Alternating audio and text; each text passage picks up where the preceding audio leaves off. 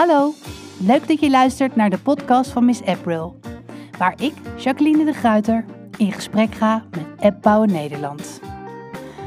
Hoe valideer je het bestaansrecht van een app?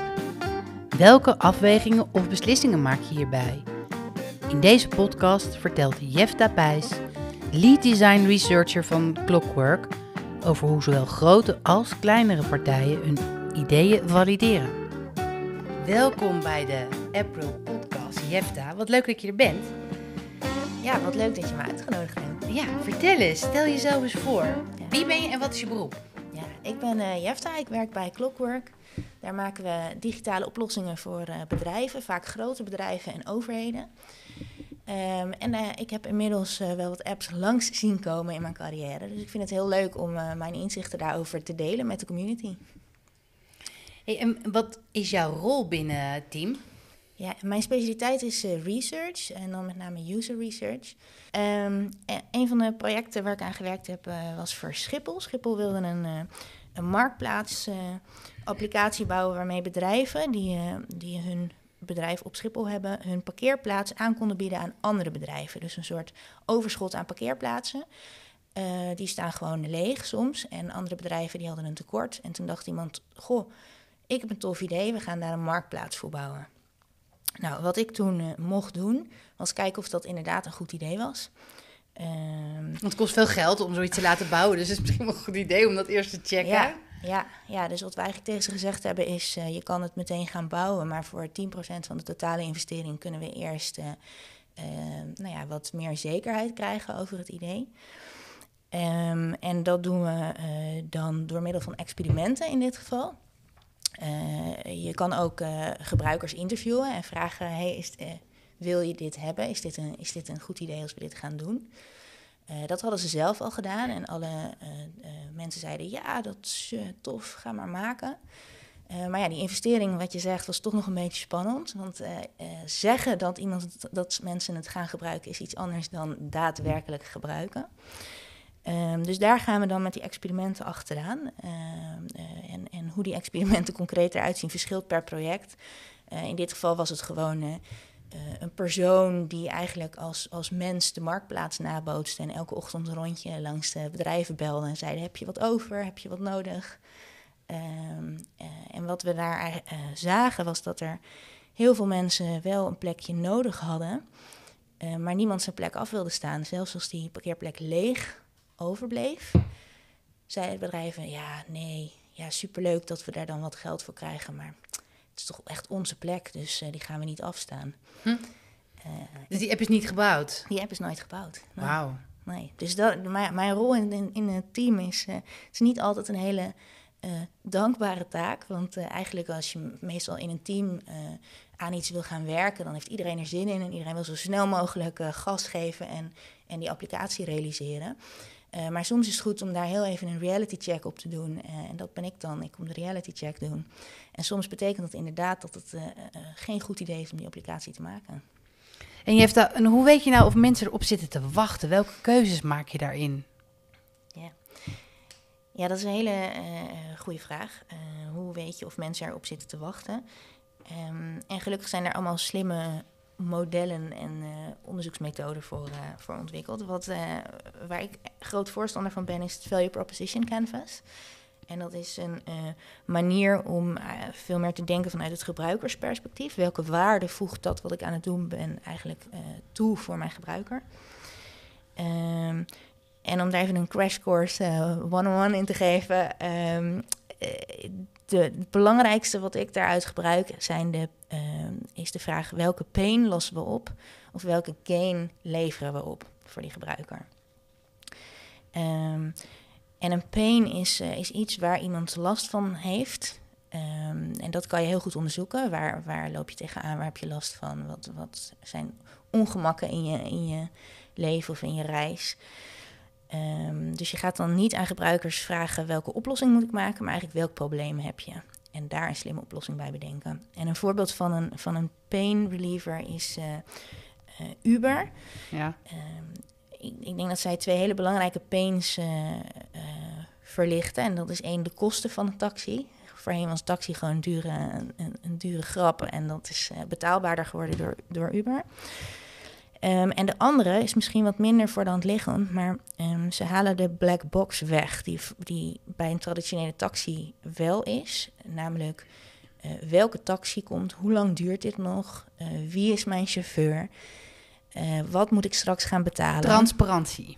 Ja, ja. en ik denk, ik weet niet of zij het value proposition canvas gebruikt hebben, maar ik denk als je het terug, terug redeneert, dan is het heel duidelijk dat daar uh, een pain zat bij mensen en dat hun oplossing uh, hielp om die pain weg te nemen en daarmee dus bestaansrecht heeft.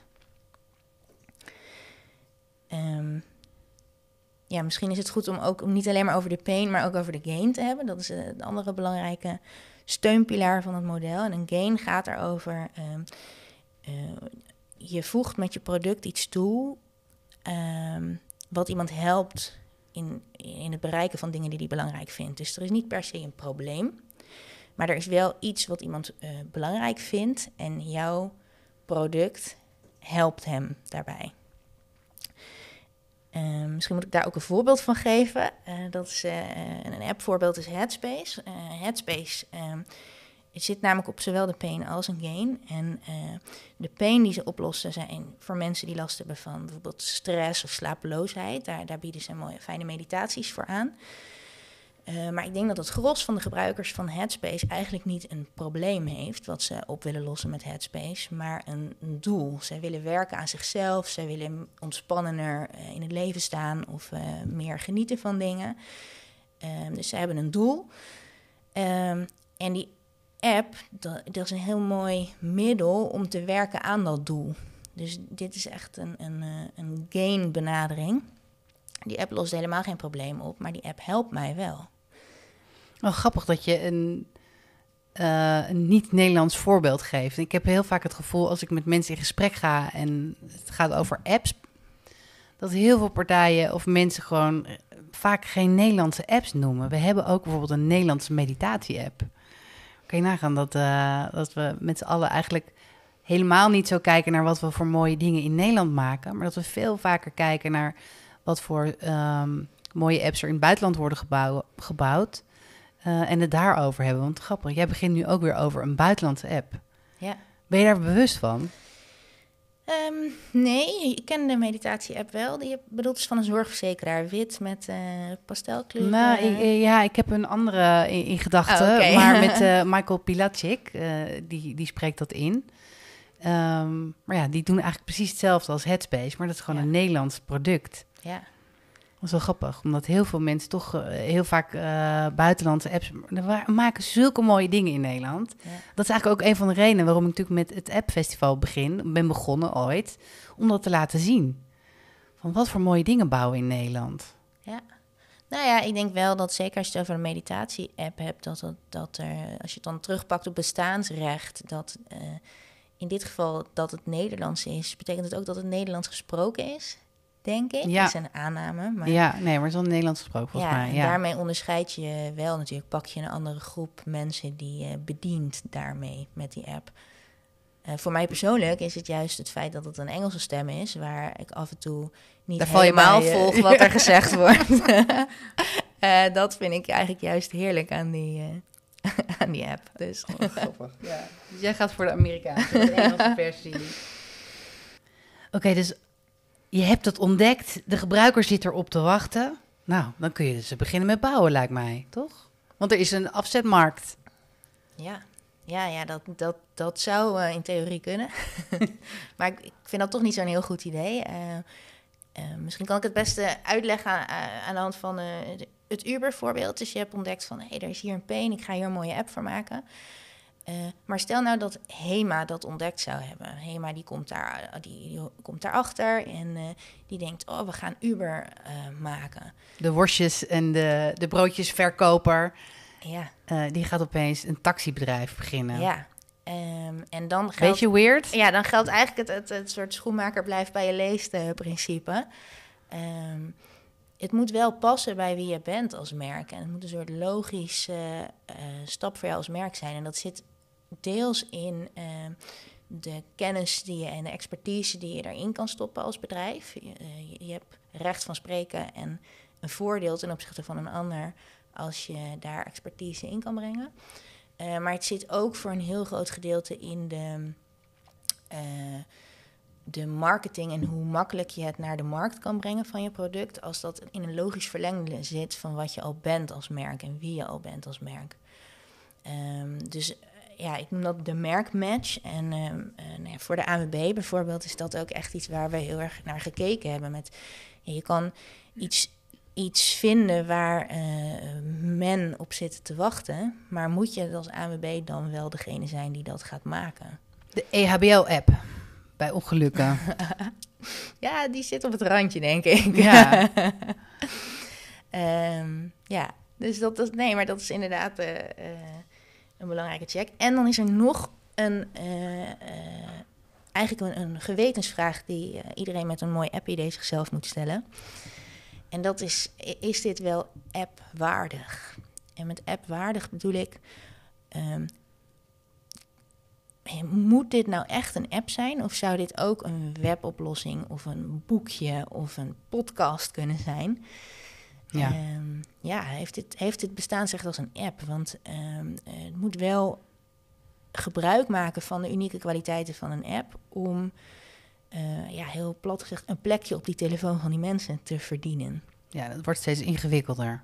Ja, ja, denk ik wel. Eh, want eh, ja, die telefoons worden, kunnen meer aan, maar het blijft toch een beperkte ruimte. Zeker als je op een van die eerste eh, homescreens eh, terecht wil komen en niet ergens achterin een mapje eh, wil verdwijnen. Ehm, en dat is een gewetensvraag, die kan je ook wel iets gestructureerder aanpakken dan alleen maar, maar jezelf stellen. Want er zijn eigenlijk gewoon hele duidelijke ehm, kwaliteiten van apps. Ehm, denk aan pushberichten of eh, nou ja, apps die gebruik maken van data van andere apps, dus hele eh geconnected apps. Ehm, of eh, als je de camerafunctie gebruikt, of eh, nou ja, dat zijn allemaal, allemaal kwaliteiten van apps. En als je die echt nodig hebt, dan is het antwoord, nou ja, dat moet een app zijn, want dat kunnen we niet op een andere manier aanbieden.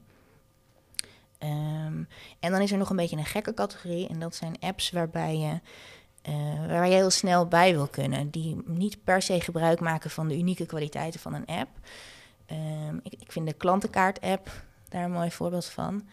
Ehm, dat is niet per se iets wat eh, spannende technische koppelingen of zo heeft. Het is eigenlijk gewoon plaatjes, eh, plaatjesbibliotheek.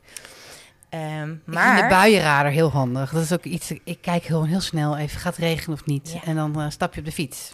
Precies. En het feit dat je daar vaak even snel binnen twee tikken Ja, gebruik van maakt, dat op zich is ook wat mij betreft een bestaansrecht van een app.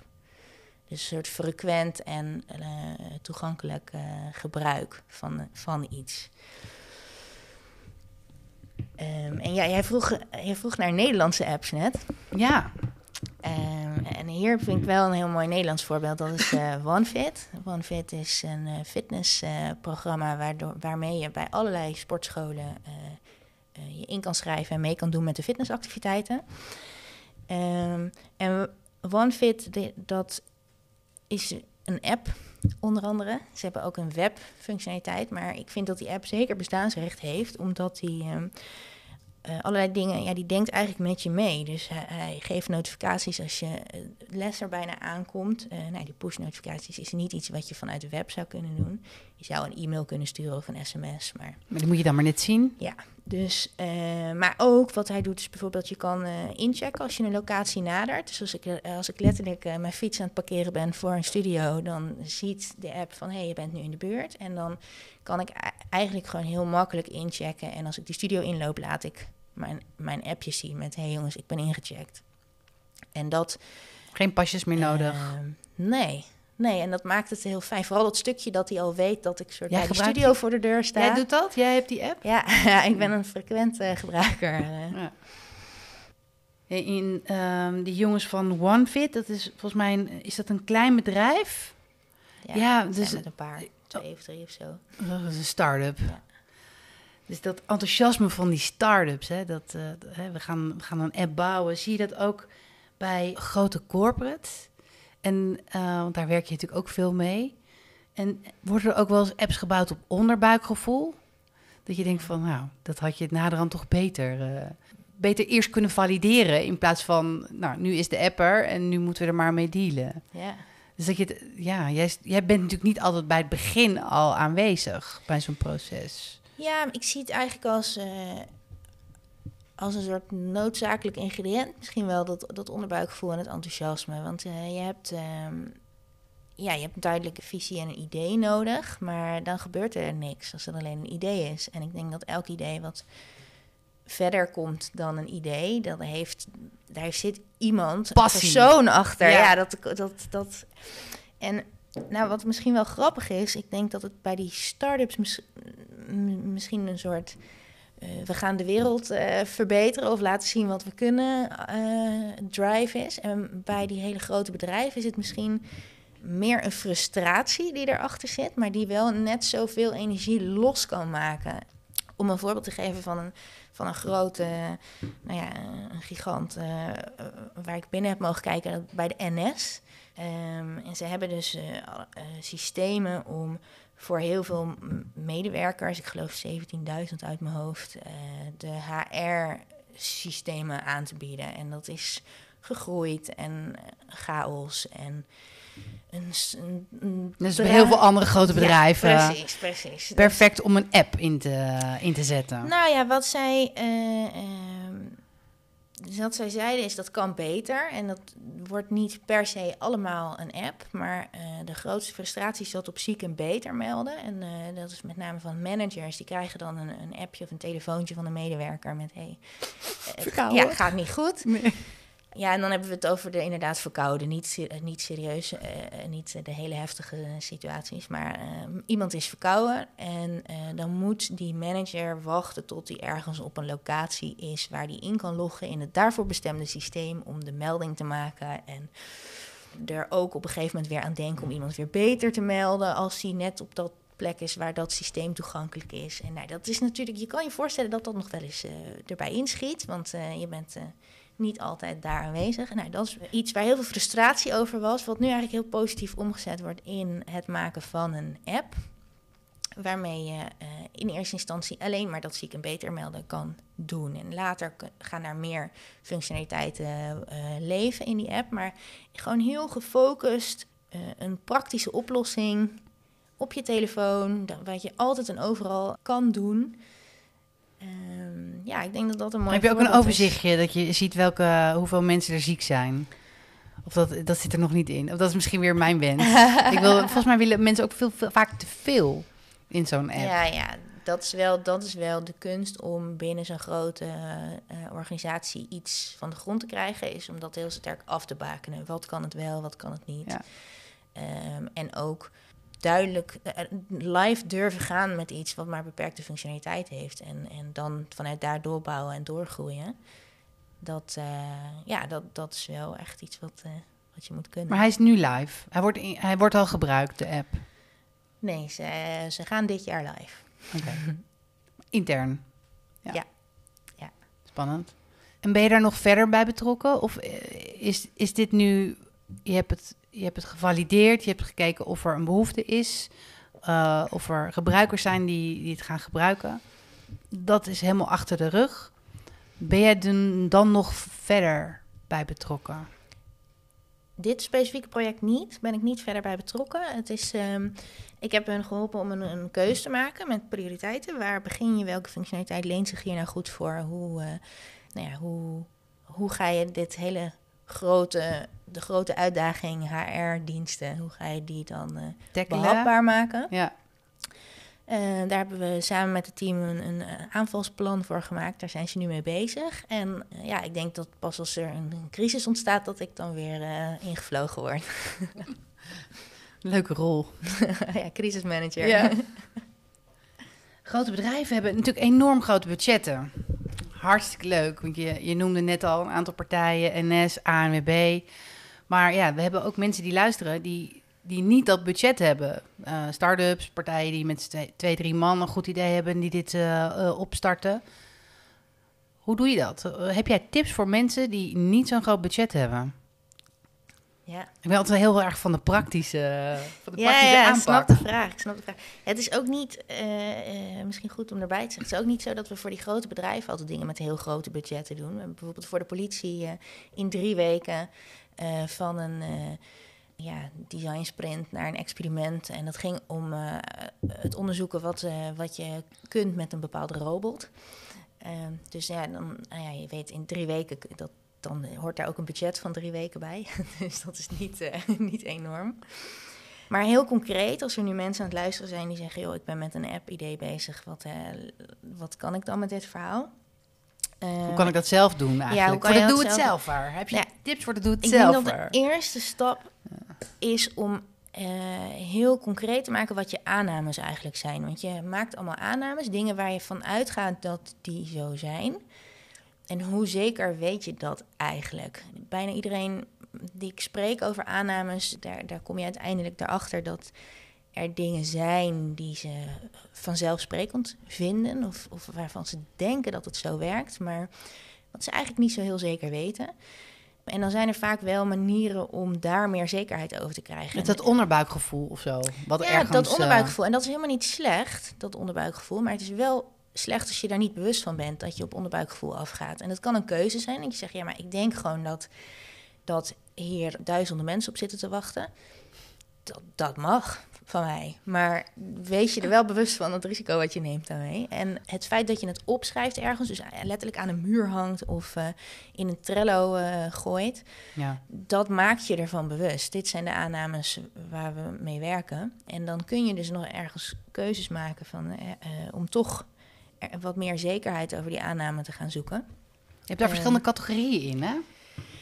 Ja, wat, wat misschien wel helpt is een model van IDEO, is het volgens mij. Het is, uh, het is ergens, uh, nou, misschien is het alweer twintig jaar oud of zo, maar het is nog steeds bruikbaar. En zij onderscheiden voor innovatie um, de feasibility, de viability en de desirability. En dat zijn helemaal lekkere woorden, maar waar gaat het dan eigenlijk over? De feasibility is, kunnen we dit? Dus dat zijn eigenlijk technische, technische aannames, uh, scope-aannames, uh, aannames in samenwerkingspartners kunnen daaronder vallen. Het is puur dingen die gaan over de vraag, kunnen, kunnen we dit eigenlijk wel? En dan heb je de viability, en dat is, moeten we dit willen? Daar hoort bijvoorbeeld, als je uh, voor die grote merken hoort daar de merkfit bij, maar als kleine start-up bijvoorbeeld is dat ook de, de gewetensvraag: ben ik bereid de komende jaren van mijn leven hieraan te geven? Hm. Uh, en als je dat in het team niet met elkaar expliciet maakt, dat soort aannames, dan kan dat vervelend worden. Nou ja, of soms zeggen mensen misschien wel dat ze, dat, dat ze daartoe bereid zijn. Maar wat ik ook wel eens hoor, is dat uiteindelijk in de uitvoering dat dus echt wel tegenvalt. Of dat opeens iemand verliefd wordt en, uh, ja. en denkt van, ja, ik ga toch een hele andere kant op. Of een wereldreis wil gaan maken. En dat niet heeft medegedeeld aan zijn uh, co-founders en opeens een hele andere route neemt. Dus ik denk dat dat inderdaad een belangrijke. Ja, het is heel fijn als die ergens dan staat. En dan, natuurlijk kan dat gebeuren, maar dan is dus de uitgangspunten waar je ooit van vertrokken bent. Dan moet je zeggen: hé hey, jongens, hier, hij hangt aan de muur of, of hij staat hier op, op ons lijstje. Maar dat, deze waarheid is niet, is niet of niet meer de waarheid. Nee. En dan kan je je plan bijstellen. Maar als het allemaal niet uitgesproken blijft, dan uh, is dat veel moeilijker. Breng je, breng je dat soort gesprekken ook op gang? Nou ja, de, de derde categorie is de desirability. En dat gaat over zitten mensen hier op te wachten. En dat is mijn specialiteit. Dus dat is met name de, de wake-up call die ik vaak breng. Met goh, waarom denk je eigenlijk dat hier mensen op zitten te wachten? Welke, welke ideeën heb je daar dan over? En dat, dat kunnen uh, nou ja, helemaal terug. Dat kunnen bepaalde pains zijn. Problemen waarvan je denkt dat ze spelen bij een groep mensen die je op gaat lossen. Maar ja, weten we dat eigenlijk wel, dat die problemen echt spelen? Dus dat is, zit eigenlijk op die desirability. En wat een eentje is die ik heel vaak uh, uh, aan de orde breng... en waar, waar je ook iets mee kan als, als kleine ondernemer... is een hele risicovolle aanname. En dat is, zijn mensen bereid hiervoor te betalen? Er zit, achter elk idee zit een, een, een verdienmodel. Bijna elk idee. En dat is heel moeilijk om dat uh, te valideren als je het nog niet gemaakt hebt. Want dan kun, kom je eigenlijk niet verder dan vragen: zou je hier 5 euro voor betalen? Of zou je hier een abonnement voor af willen sluiten? En dat vraag je dan aan je ooms en je tantes. En Ja. iedereen zegt dan ja, natuurlijk. Ja, dat noemen we de mom-test. Eh, je, je moeder of je oom of je tante, ja, iedereen gaat daar. eh, Oh ja, daar heb je ook echt een naam ja, dat is voor. een naam voor de mom-test. Oké, wauw. Eh, en dat, eh, dat geldt dus niet als een goede testmethode, even voor de duidelijkheid, ondanks dat we er een naam voor hebben. Nee, maar wat wel een, eh, heel, heel, wat ik een heel toffe methode vind, is eh, een, ehm, een verkoopsimulatie, waarin je eigenlijk doet alsof je product er al is. Dus je kan bijvoorbeeld eh, een advertentie runnen op, op, eh, op Facebook. Waarin je zegt, koop nu dit product of neem nu een abonnement. Of, ehm, nou, en dat de gebruiker moet het idee hebben dat je product er wel al echt is. Dan klikt hij, vult hij iets in of betaalt hij zelfs al wat voor een, voor een voorinschrijving. Dan weet je helemaal zeker dat mensen ervoor willen betalen. Maar het kan ook nog weer anders. Dat je dan op een landingspage komt en waarin je zegt: hey, wat leuk dat je geïnteresseerd bent. Dit product is er nog niet. We zijn bezig om het op te zetten. En dan kan je eventueel nog wat vragen stellen aan mensen of alleen maar informeren. Ehm, maar in ieder geval fake je in die allereerste stap waarin je eh, eh, engagement vraagt. Fake je dat, dat het er al is. En kijk je eigenlijk of de propositie en je businessmodel wat je daarop verzonnen hebt, of die bij elkaar aansluiten. Of dat past. Ja, en, en of mensen dus echt doen, weet je. Geen, geen woorden, maar daden. Daar gaat het uiteindelijk toch om. Ja. Vorige keer hadden wij Brigitte Sloem van Wo- Woezon. eh, hadden we een podcast mee, of we hebben een podcast mee gehouden. En zij heeft ook een vraag voor jou. En de vraag luidt: wat is jouw grootste uitdaging de aankomende periode? Ja, wat is de grootste uitdaging? Ja, ik heb daar, daar eigenlijk misschien wel een soort twee, die ik... Uitdagingen. nou, dat mag. Dat is goed. Ja, dat mag? Ja, keurig Oké, goed. top. Ja. Ja, want die eerste is, is misschien niet heel leuk om te horen, want het is, maar eh, is wel echt iets wat speelt. Ehm, een app-idee moet, eh, moet iets opleveren. Zeker voor als een bedrijf met een app gaat beginnen, dan moet daar een, een, business case achter zitten. En mm, ik merk dat we een beetje. eh, we worden wat volwassener met apps. Eh, er is een tijd geweest waarin elke app dan ook. Er is in een heel beginperiode geweest, er was het gewoon tof om een app te hebben. En daarna moest elke app dan ook geld opleveren. Van, oh, hoe gaat het dan geld opleveren, in het laadje brengen? En we zijn nu eigenlijk weer in een soort nieuwe fase aangekomen... waarin mensen zich bewust zijn, of bedrijven zich bewust zijn... van dat het niet per se geld op moet leveren... maar dat het ook iets anders op kan leveren. Zoals? Ja, eh, denk bijvoorbeeld aan eh, loyalty of data... of dat je je gebruikers beter leert kennen, eh, wie het zijn en wat ze doen... Eh, Het kan ook zijn eh, dat het een, een samenwerking oplevert of een, of een marketingfunctie heeft. je merk sterker neerzetten. Maar al die alternatieve business cases, om het maar even zo te zeggen, alles wat Ja. niet rechtstreeks euro's oplevert, dat Ja. is nog een beetje, het is een beetje een moeras. Er wordt af en toe wat geroepen en niemand weet precies hoe je Moeilijk meetbaar. ook. waarde aan hangt. Ja. Ja. de meetbaarheid nou, van zoiets als data. Er wordt dan geroepen, ja, data, we moeten meer data. Data is het nieuwe goud. Ja, wel met inachtneming van de privacy. En eh, ja, ja, gaan we allemaal doen. Maar niemand weet hoe, die data, hoe, hoe gaat dat dan uiteindelijk weer eh, iets opleveren voor de business? En dat is echt een, een struggle wat ik bij meerdere partijen terug zie komen. Dus dat is mijn eh, uitdaging nummer één. Oké, mag ik daar nog wel iets over ja. vragen? Want ehm, wat ik merk is dat vaak vrouwen heel anders zaken doen dan mannen. Dit is bedoel je daarmee? Nou, het is een beetje een soort van off-topic, maar ik, ik moet er toch even aan denken, aan die meetbaarheid van dingen zoals... eh, stel dat je een app hebt vanuit de NS die gaat over voor werknemers. De- hoe goed voel jij je als eh, werknemer? Ben je happy met je Ja, rooster? Ja, je werkgeluk. Eh, dat soort dingen zijn vaker, worden best wel vaak ingezet door, ja, door vrouwen. Want die, die kijken veel meer naar, naar dat soort onderdelen. Stel, je, ja, je, ik, ik, je zit in een maat. Ik, ja, ik moet zelf ook de vraag even voor mezelf formuleren. Want het, het is ook weer zo'n onderbuikvraag. Ja. Eh, maar ik kan me voorstellen dat de, de, dat moerasgebied waar je in zit... ehm, en dat moeilijk meetbaar... dat dat, dat misschien door eh, mensen in het team wordt afgewezen door de mannen. Eh, dat vrouwen veel meer geneigd zijn om, om daar akkoord op te geven. Dat is ook een aanname van mij, maar daar ben ik wel benieuwd naar. Ja, Want dit zijn aanname. want kijk- Grappig, de vrouwen, de vrouwen met beslissingsbevoegdheid die ik tegenkom... passen niet bij deze aanname. Die maken hele zakelijke beslissingen. Als je op een bepaald niveau in een organisatie werkt, maak je hele, misschien zelfs wel nog zakelijkere beslissingen dan die mannen die op dat niveau Oh, werken. dan gaan we deze vraag eruit knippen. Nee, nee, maar dat is wel leuk. ja. Want ik denk juist voor ehm, apps die een zachte business case, zeg maar, hebben, om het even zo, eh, om er Ja. meteen even een lekker vrouwelijk woord aan te hangen, de Ja. zachte, zachte business case. ja. Bijvoorbeeld het meten van werkgeluk. Ehm, dat eh, juist dat soort apps er heel veel baat bij kunnen hebben om daar wel ook een harde variant, om, om daar een, een gemeenschappelijke visie over te hebben over wat dat waard is. Want het risico wat je anders neemt is dat iemand ergens op onderbuikgevoel zegt, leuk, ga maar maken. En dat na een jaar die stekker uit dat project getrokken wordt. Of dat er één iemand een beetje halfbakken met dat project bezig is. Terwijl je wil daar echt gas op geven. Dus dan, dan heb je er meer aan als je ook die harde, die harde case kan maken. Hey, dus dat, dat, team, dat moet allemaal meegaan. En zo'n zo'n traject van validatie, dat ben je... Dat moet je waarschijnlijk een aantal fases... met een aantal mensen binnen het bedrijf... eh, moet je dat doorlopen. Maar ja, we- wellicht eh, neemt niet, zit niet iedereen daarbij. Hoe, hoe ga je daarmee om? Dat is, dat is misschien ook nog wel een uitdaging, hè?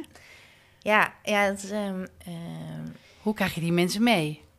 ja hoe krijg je de, eh, de, de mensen mee? Het is vooral een uitdaging als je wisselingen in het team hebt. Eh, en je, je maakt allerlei, heel veel microbeslissingen, noem ik het maar. En dat gaat niet over welke app zijn we aan het maken, maar wel over, over details en, en ideetjes die er zijn, waar je wel of niet mee doorgaat. En dat is eigenlijk niet te doen om dat allemaal vast te leggen. Ja, het is een beetje een cliché, maar je had erbij moeten zijn. Dat is echt een, een, een uitspraak die hiervoor gemaakt is.